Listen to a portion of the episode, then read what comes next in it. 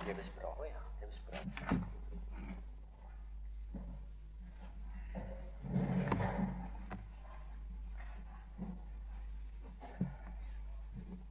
det er min glede igjen å skulle få anledning til å besøke dere. Og må Herren få gi oss en god stund om ordet, slik som vi så ofte har opplevd når Herrens tjenere har besøkt dere. Så ber jeg eders forbønn at også jeg må få lov at komme med et sannhetsord fra sannhetens bok, slik at det må få gjøre det inntrykk og den virkning som behager Herren. Vi skal de kveldene vi skal være sammen som ordet, holde oss i Romerbrevet det åttende kapitlet. Der er mange sannheter, og der er dype sannheter. Det er givende, alt Guds ord, men det er enkelte steder hvor det på en særlig måte egnet til å skape trøst og oppmuntring, og så er tilfellet med Romerbrevet 8. Men vi skal koble litt av det syvende kapittel til det åttende. Vi skal lese de to siste versene der. Ja, ikke de tre siste og så de tre første i Romerbrevet 8. Fra det 23. Men jeg ser en annen lov i mine lemmer som strider mot loven i mitt sinn og tar meg til fange under syndens lov, den som er i mine lemmer. Jeg elendige menneske, hvem skal fri meg fra dette dødens legeme? Et veldig spørsmål. Svaret kommer i det 25. Gud være takk ved Jesus Kristus, vår Herre. Konklusjonen så tjener det da jeg Guds lov med mitt sinn, syndens lov med mitt kjød. Så er det da ingen fordømmelse for dem som er i Kristus Jesus. For livets åndslov har i Kristus Jesus frigjort meg fra syndens og dødens lov. For det som var umulig for loven, i den var maktesløs ved kjødet. Det gjorde Gud. Det gjorde Gud i det han sendte sin sønn i syndig kjøds lignelse, og for syndens skyld og fordømte synden i kjød. Dette verset skal vi også lese slik som det står i Skapt Rørdans Nye testamente. Det gjorde Gud i det han sendte sin sønn i syndig kjøds likhet, og som syndoffer domfelte synden i kjødet. Ja, det var ditt ord, o Gud, inspirert ved Den hellige ånd og nå er vi samlet i Jesu navn. Og takk for de ord som vi har fått lytte til. Vi skal stå støtt. Vi må stå i nåden. Der står vi støtt. Og takk for at du har gitt oss noen ting til å holde fast på i en tid hvor det er sånn meget utglidning. Og må vi få lov å bli styrket til vårt innvortes menneske det ved det ord som du vil gi oss gjennom disse møter til ditt navns ære. Vi ber, o Gud, i Jesu Kristi navn. Amen. Romerbrevet, det syvende og det åttende kapittel, er kontrasterenes kapittel. Jeg får si det som innledning, skjønt det er ikke mitt emne. Mitt emne, det er det umulige. Det gjorde Gud. Det er mitt emne. Men det er her som innledning. Jeg vet ikke om at det er andre kapitler i Bibelen som viser så stor en kontrast, ulikhet, som det syvende og det åttende kapitlet. Jeg skal bare nevne ulikhetene mellom de to kapitlene. I kapittel 7 det er kjødets klagesang. Det Er ikke meget lovsang i det kapittelet. Det er et nødrop, et svar. Kapitlet, åttende kapittel er Åndens jubelsang. Ja, det er stor forskjell på klage og jubel. Kapittel 7 er som en stormfull natt og skyene og uværet bryter inn.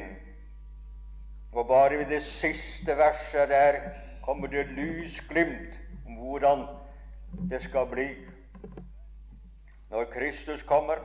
Men det åttende kapittelet der som en herlig soloppgang med den vidunderlige dag som aldri tar slutt. Sådan forholdene der. Og Romerbrevet, det syvende kapittel, er lavmålet i Romerbrevet. Dybden i lavmål.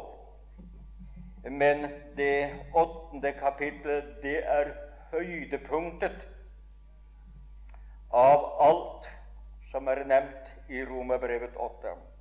Så stor forskjell er det mellom kapitlene. Men det er også stor forskjell når det gjelder temaer. Jeg Jeget under forskjellige for er nevnt 42 ganger i det syvende kapitlet. 42 ganger. Men bare en eneste gang i det åttende. Og Da er det jo givet at det må være stor forskjell. Jeg, meg og mitt er nevnt 61 ganger i det syvende kapitlet og hvor jeg, meg og mitt blir ofte omtalt. Der er det ikke noen ting hvor Herren blir forherliget.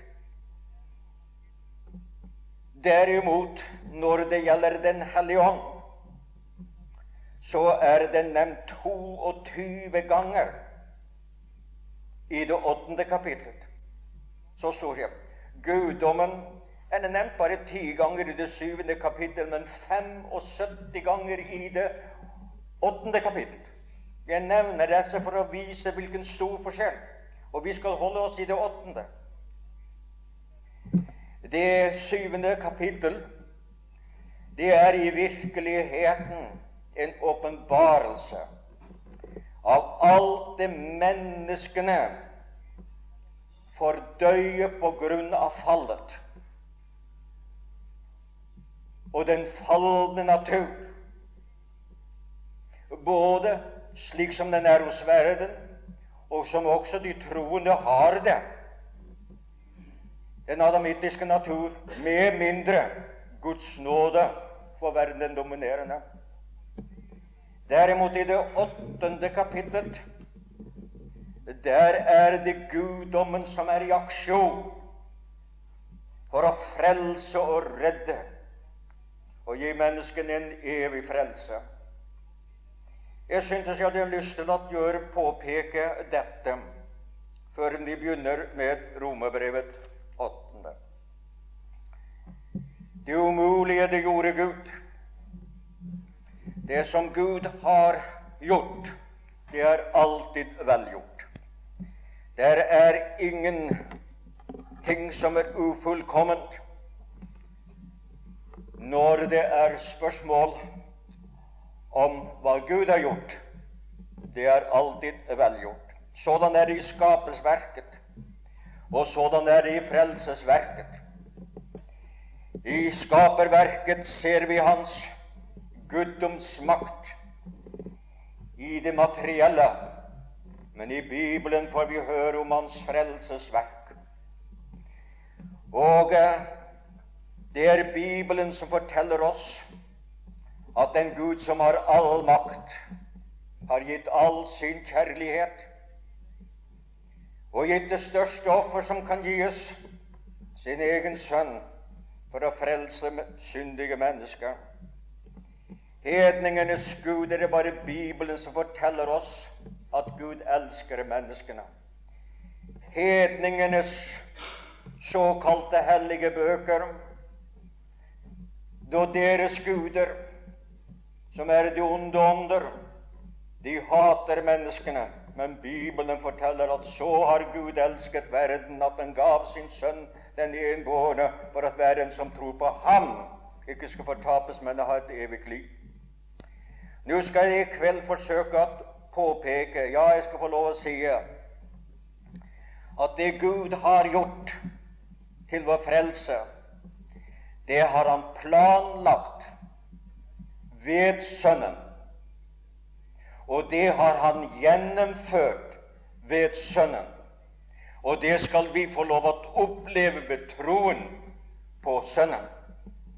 Og dette er noe av det umulige skal vi påpeke fra fire forskjellige synsvinkler her i kveld, som Gud gjør, som hører til det umulige, som ikke andre kan prestere. For det første Gud i Kristus gjorde det det umulige mulige, det som loven ikke maktet på grunn av kjøtt. Det gjorde Gud. Det som var umulig for loven i det den var maktesløs ved kjødet, det gjorde Gud. Loven som var gitt til jøderne, den åpenbarte sin avmakt i det at den kunne vise menneskets synder, men den kunne ikke fjerne og fjerne synden. Der sto det makt. Den kunne ikke ta den bort, men den kunne gjøre mennesket til en synder. Det ved loven kom syndens erkjennelse. Der hvor det ikke var lov, der var det ikke synd. Den kan, kunne tukte menneskene, men den kunne ikke helbrede dem. Den kunne vise at dørene er stengt, men den kunne ikke åpne dem. Den viste sin avmakt. Den kunne drepe, den kunne ikke gi liv. Derved stod loven maktesløs. Den kom på steintavler til steinhjerter.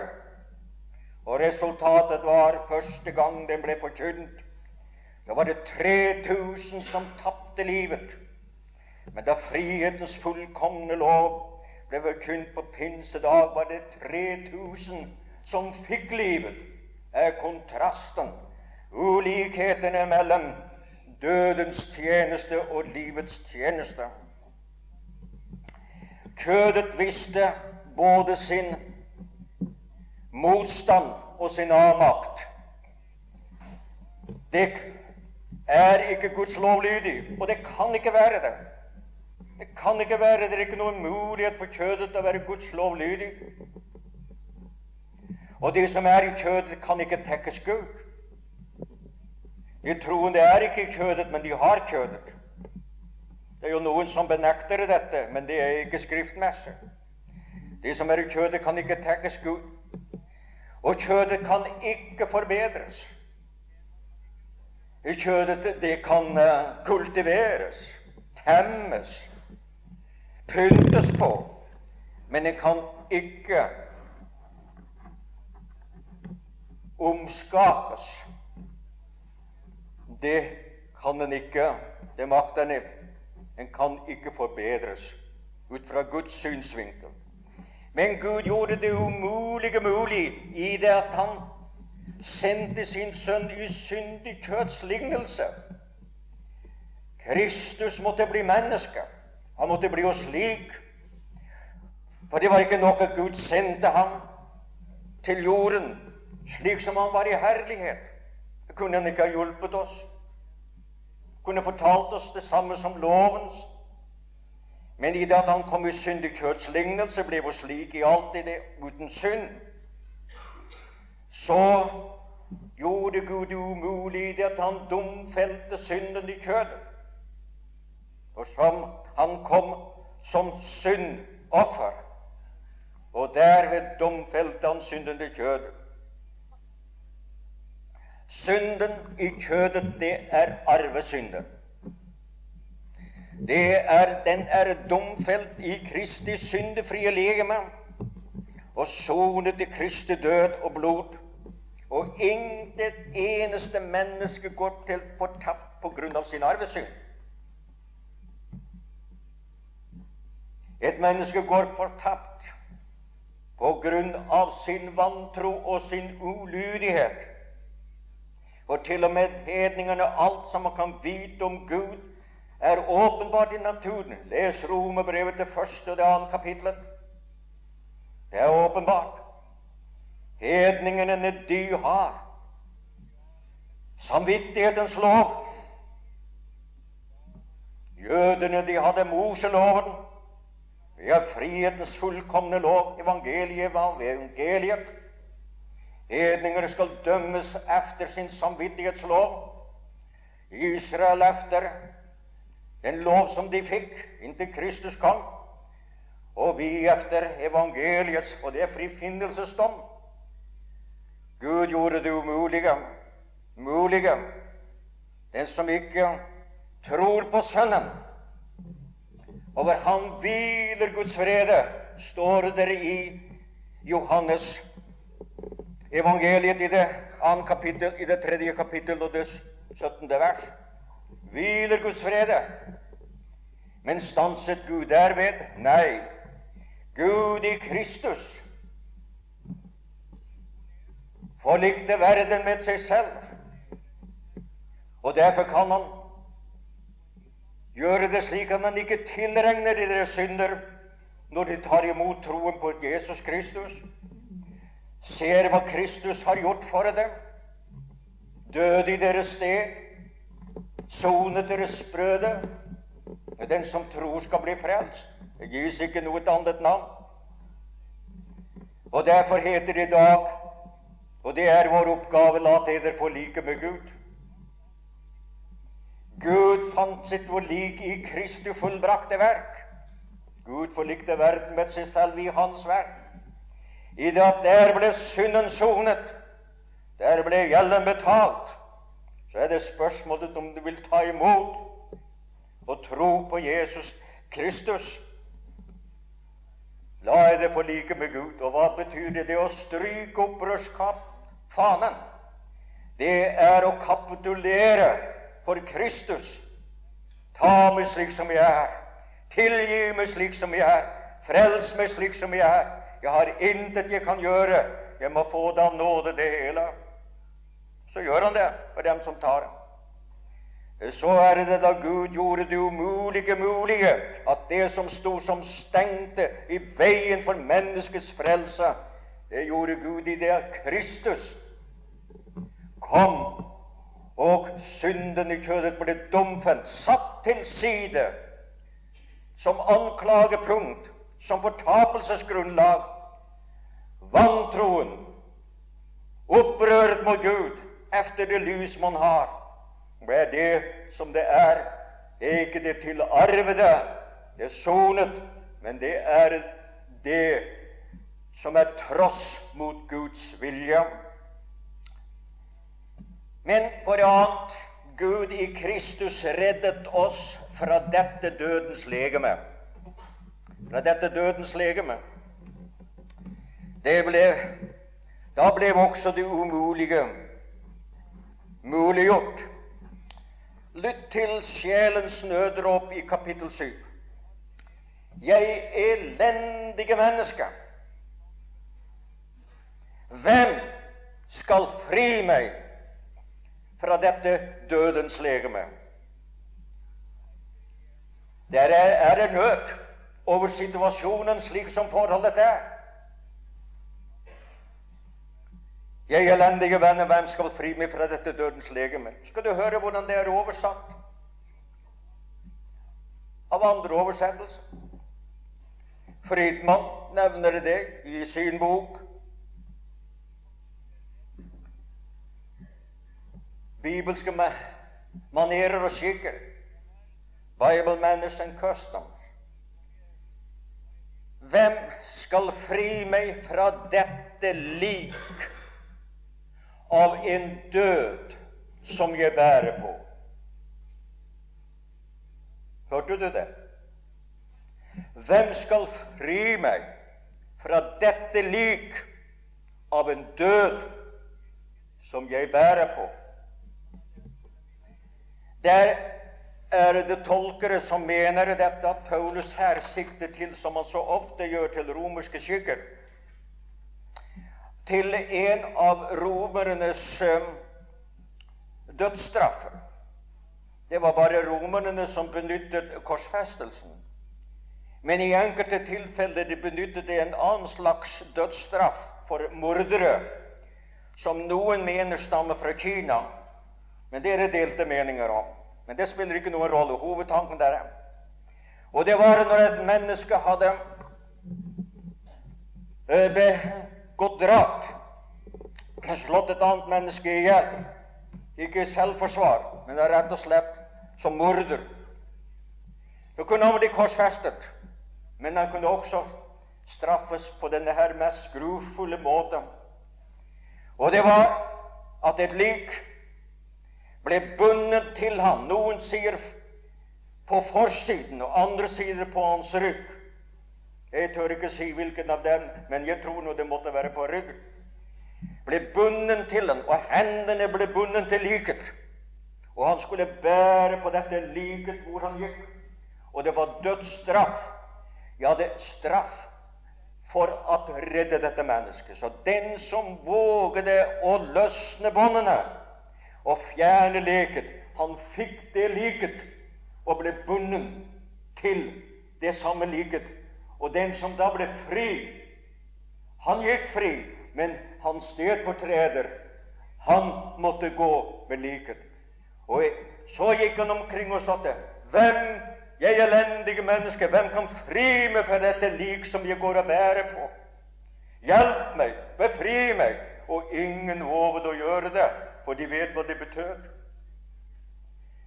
Da får ordene en veldig betydning da det stopper opp med det veldige spørsmål. Og så tankestrek. Hvem skal fri meg fra dette dødens liv? Gud være takk ved Jesus Kristus. Kristus ble redningsmannen. Dette dødens legeme, Adams fordervede kjød, den fordervede natur, Kristus kom som syndoffer. Han kom og gikk i stedet. Han kom som redningsmannen og tok vårt som følge av synden. For det er alt som er vårt, det er synden. Enten det var nedarvet eller det som er gjerningssynd. Det var vårt. Nåden, det er Guds. Og så ble han, gikk han i vårt sted. Han overtok dette dødens legeme og domfelte synden i kjødet og døde i synderes sted. Gud være takk ved Jesus Kristus. Det gjorde Gud. Lovet være Hans hellige navn. Har du fått lov å opplese dette, slik at du kan regne med at Kristus er blitt din redningsmann? Han overtok vårt for at vi skulle få hans, for at vi skulle bli fri. Han tok straffen. Han setter sjelen i frihet. Hvis noen hadde våget å gjort det, så var jo den som hadde båret byrden, det var han fri. Og i det at du tror at Jesus Kristus har tatt din synd, har sonet alt, enten det hørte til Adam eller hørte til deg selv, så er du fri ved troen på Kristus. For den som Sønnen får lov å frigjøre, blir virkelig fri. Og da er det ingen fordømmelse, eller som skatterøren, ingen domfellelse for den som er i Kristus Jesus. Takker du for redningen i Kristus. Og må jeg få lov å spørre, har alle opplevd redningen i Kristus?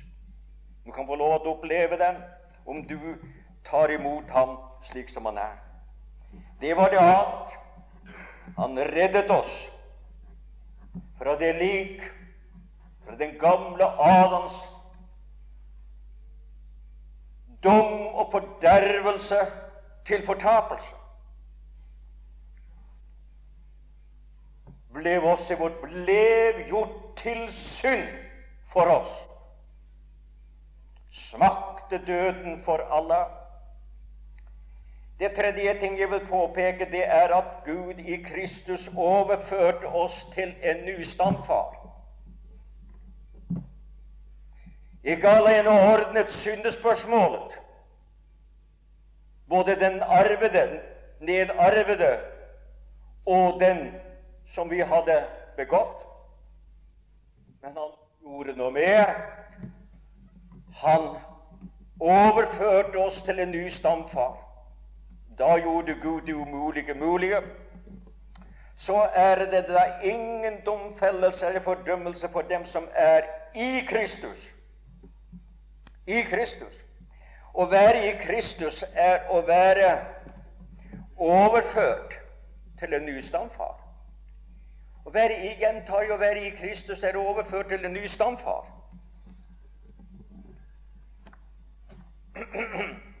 Og det er felles for alle dem som er frelst. De er en ny stamfar. De er i Kristus. Alle andre, de er i Adam.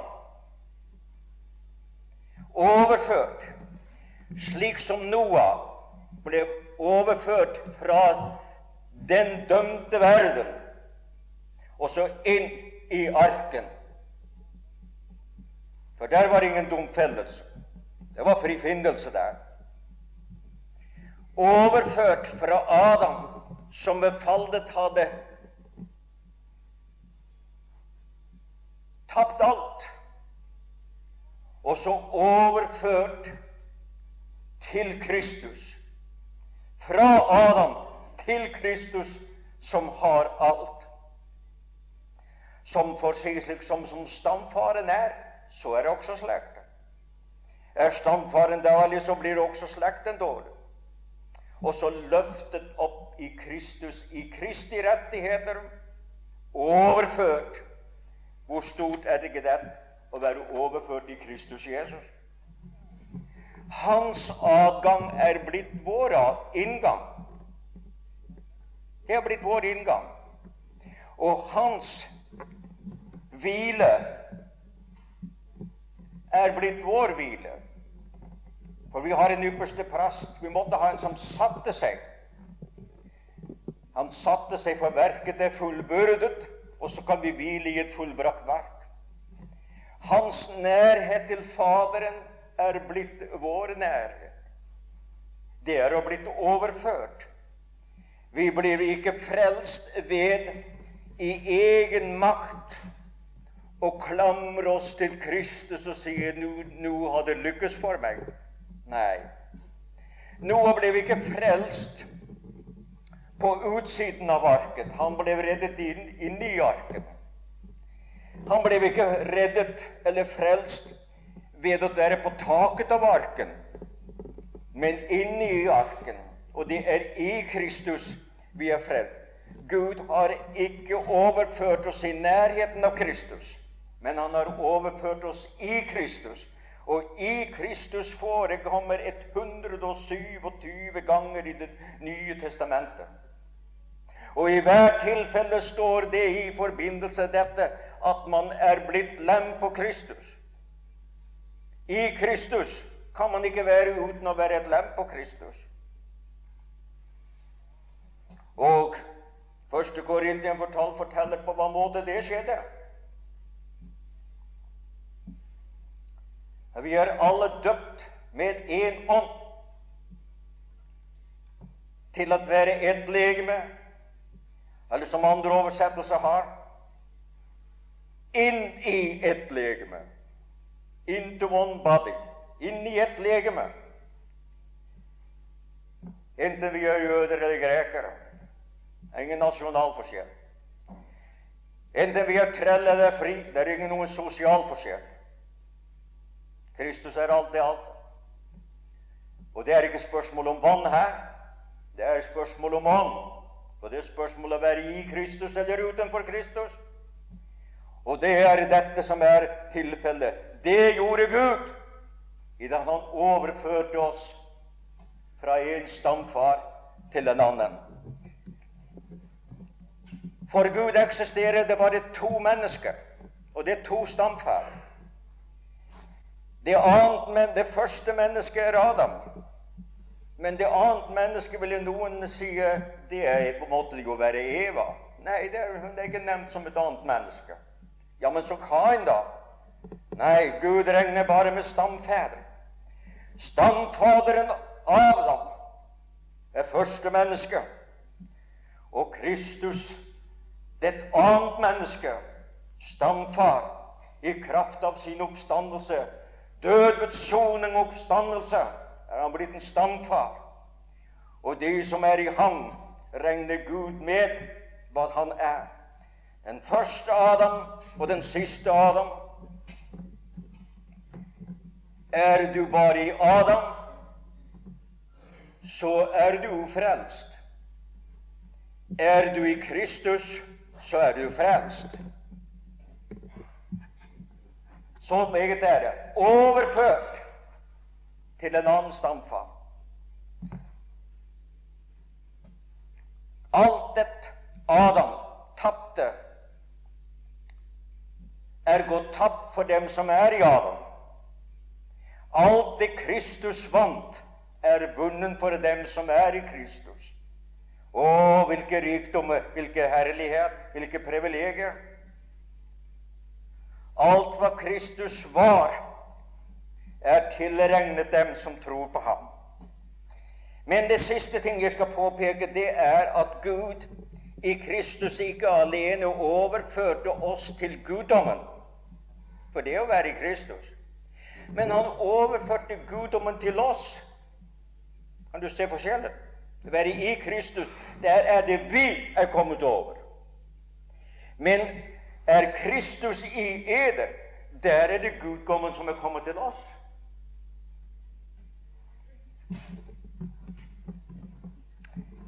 I det tiende vers er det jo at Kristus i eder. Se hva det står der. Som Kristus er i eder.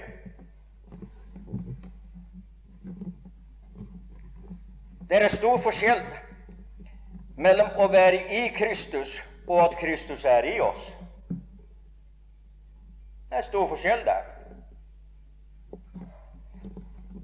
Det er samme frelse. Det er, det er det samme å være den som er i Kristus, han er frelst. Og den som eh, Kristus er i, bor i, troen i våre hjerter, han er frelst. Og likevel er det stor forskjell. Vi i Kristus, det er å være lem på Kristus. Gud, eller Herren, la daglig til menigheten dem som lot seg frelse. frelse. For menigheten og legemet det, det er den samme. Det er lagt til, blitt lem på legemet. Vi i Kristus, det er den tilregnede stilling i nåden. Det å være i Kristus. Overfør stillingen i nåden. Fullkommen. Det er med andre ord det som kalles for rettferdiggjørelse. For den er ikke opplevet, den er tilregnet. Det er Gud som erklærer et menneske rettferdig. Den er tilregnet. Og da erklærer han og sier det er ingen domfellelse for dem som er i Kristus. Det er ingen fordømmelse for dem som er i Kristus Jesus. Og det er fordi dommen har blitt fullbyrdet i Krist, Kristus i oss, det er den opplevde nåde. Så det ene er altså vi i Kristus, det er den tilregnede nåde. Kristus i oss er den opplevde nåde. da ja, det der klart, for det betyr der er det så mange i vår tid som kjører feil, og som skaper forvirring. Det er en opplevende nåde. Det er frelsesopplevelse. I det øyeblikk at et menneske tror på Jesus Kristus, så skjer det to ting. Ja, det skjer mange ting. Jeg nevner det. Og det er dette at ved troen kommer du i stilling, men samtidig opplever du du blir gjenfødt ved troen på Kristus. Det skjer øyeblikk. Tro på den Herre Jesus Kristus, og du skal bli frelst. Og troen er rettferdiggjort, og øyeblikkelig er du også gjenfødt. Så mange som tok imot ham, dem har han rett til å bli Guds barn, og tar imot ved tro og blir Guds barn. Nå ja, det er gjenfødelse. Det er det nye livet. Da vi trodde på Kristus og tok imot Kristus. Men alle dem som tok imot ham, mot ham, dem ga han rett til å bli Guds barn. Dem som tror på Hans navn, og de er født, osv. Her ligger den store forskjell mellom Den gamle testamentets frelse før pinsedag og fra pinsedag. Og verden i dag kjører fullstendig feil. Det er blitt så populært nå med det i vår tid at det skal omtale Det adverteres og adverteres som, som mangt og meget som de skal oppleve. Og så sies det der som beviser. Du kan jo bare se på apostlene, på apostlene før pinsedag, hvordan de var, og hvordan de ble. Og så sies det at hver enkelt i Guds barn har det slik, men de har ikke fått nok av Gud. De må få noe mer, og så skal de få det, og så kaller de med forskjellige navn. Jeg må påpeke dette her, for det er hvis ikke det blir klart, så skal det snart bli skisma. Det skal bli snart bli forvirring. Se her. La oss se på forskjellen. Rettferdiggjørelsen på gammeltestamentlig grunn. I den gamle pakt de var troende, og vi er troende. Det er et felleseie vi har med den gamle pakt som Guds folk, troens folk. Men vi har et særeie på nytestamentlig grunn, og hvis man ikke holder det klart, så kjører man feil. De var troende, og vi er troende. De var omvendt, men vi er omvendt også. Men deres omvendelse innbefattes ikke så meget, og ei heller deres tro. Vi har så meget mer klarere tro. Og vår omvendelse ombefatter også atskillig mer, som er deres. De var rettferdiggjort, og vi er rettferdiggjort.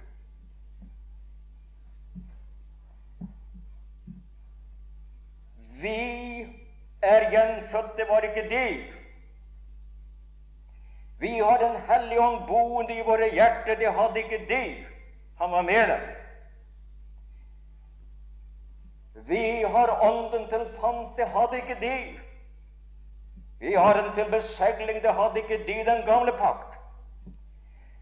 De er lemmet på Kristi legeme, det fantes ikke. Ikke for Kristi oppstandelse. Ikke før på pinsedag. Da ble legemet skapt, og bygningen begynte å bygges, Guds hus. Grunnvollen lagt på Golgata. Byggverket begynner på pinsedag. Ja vel. Nå skal du se her hvor forskjellen det er med, med, med den gamle pakt. Disiplene de var på gammeltestamentlig grunn helt til pinse. Litt forskjell er det han åndede på dem, for apostlene står i en særklasse.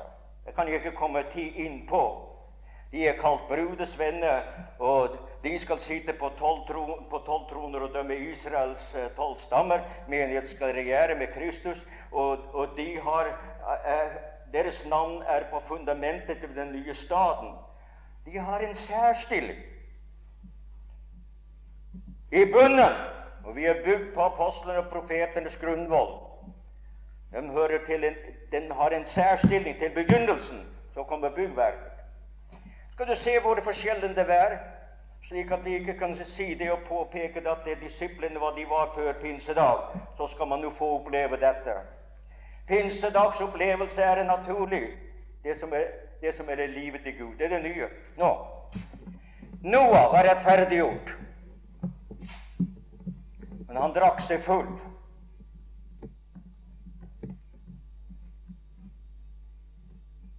De som er om, mange av dem som er omtalt i troes kapittel, ville ikke en menighet på nytestamentlig grunn ha hatt til, til medlemmer.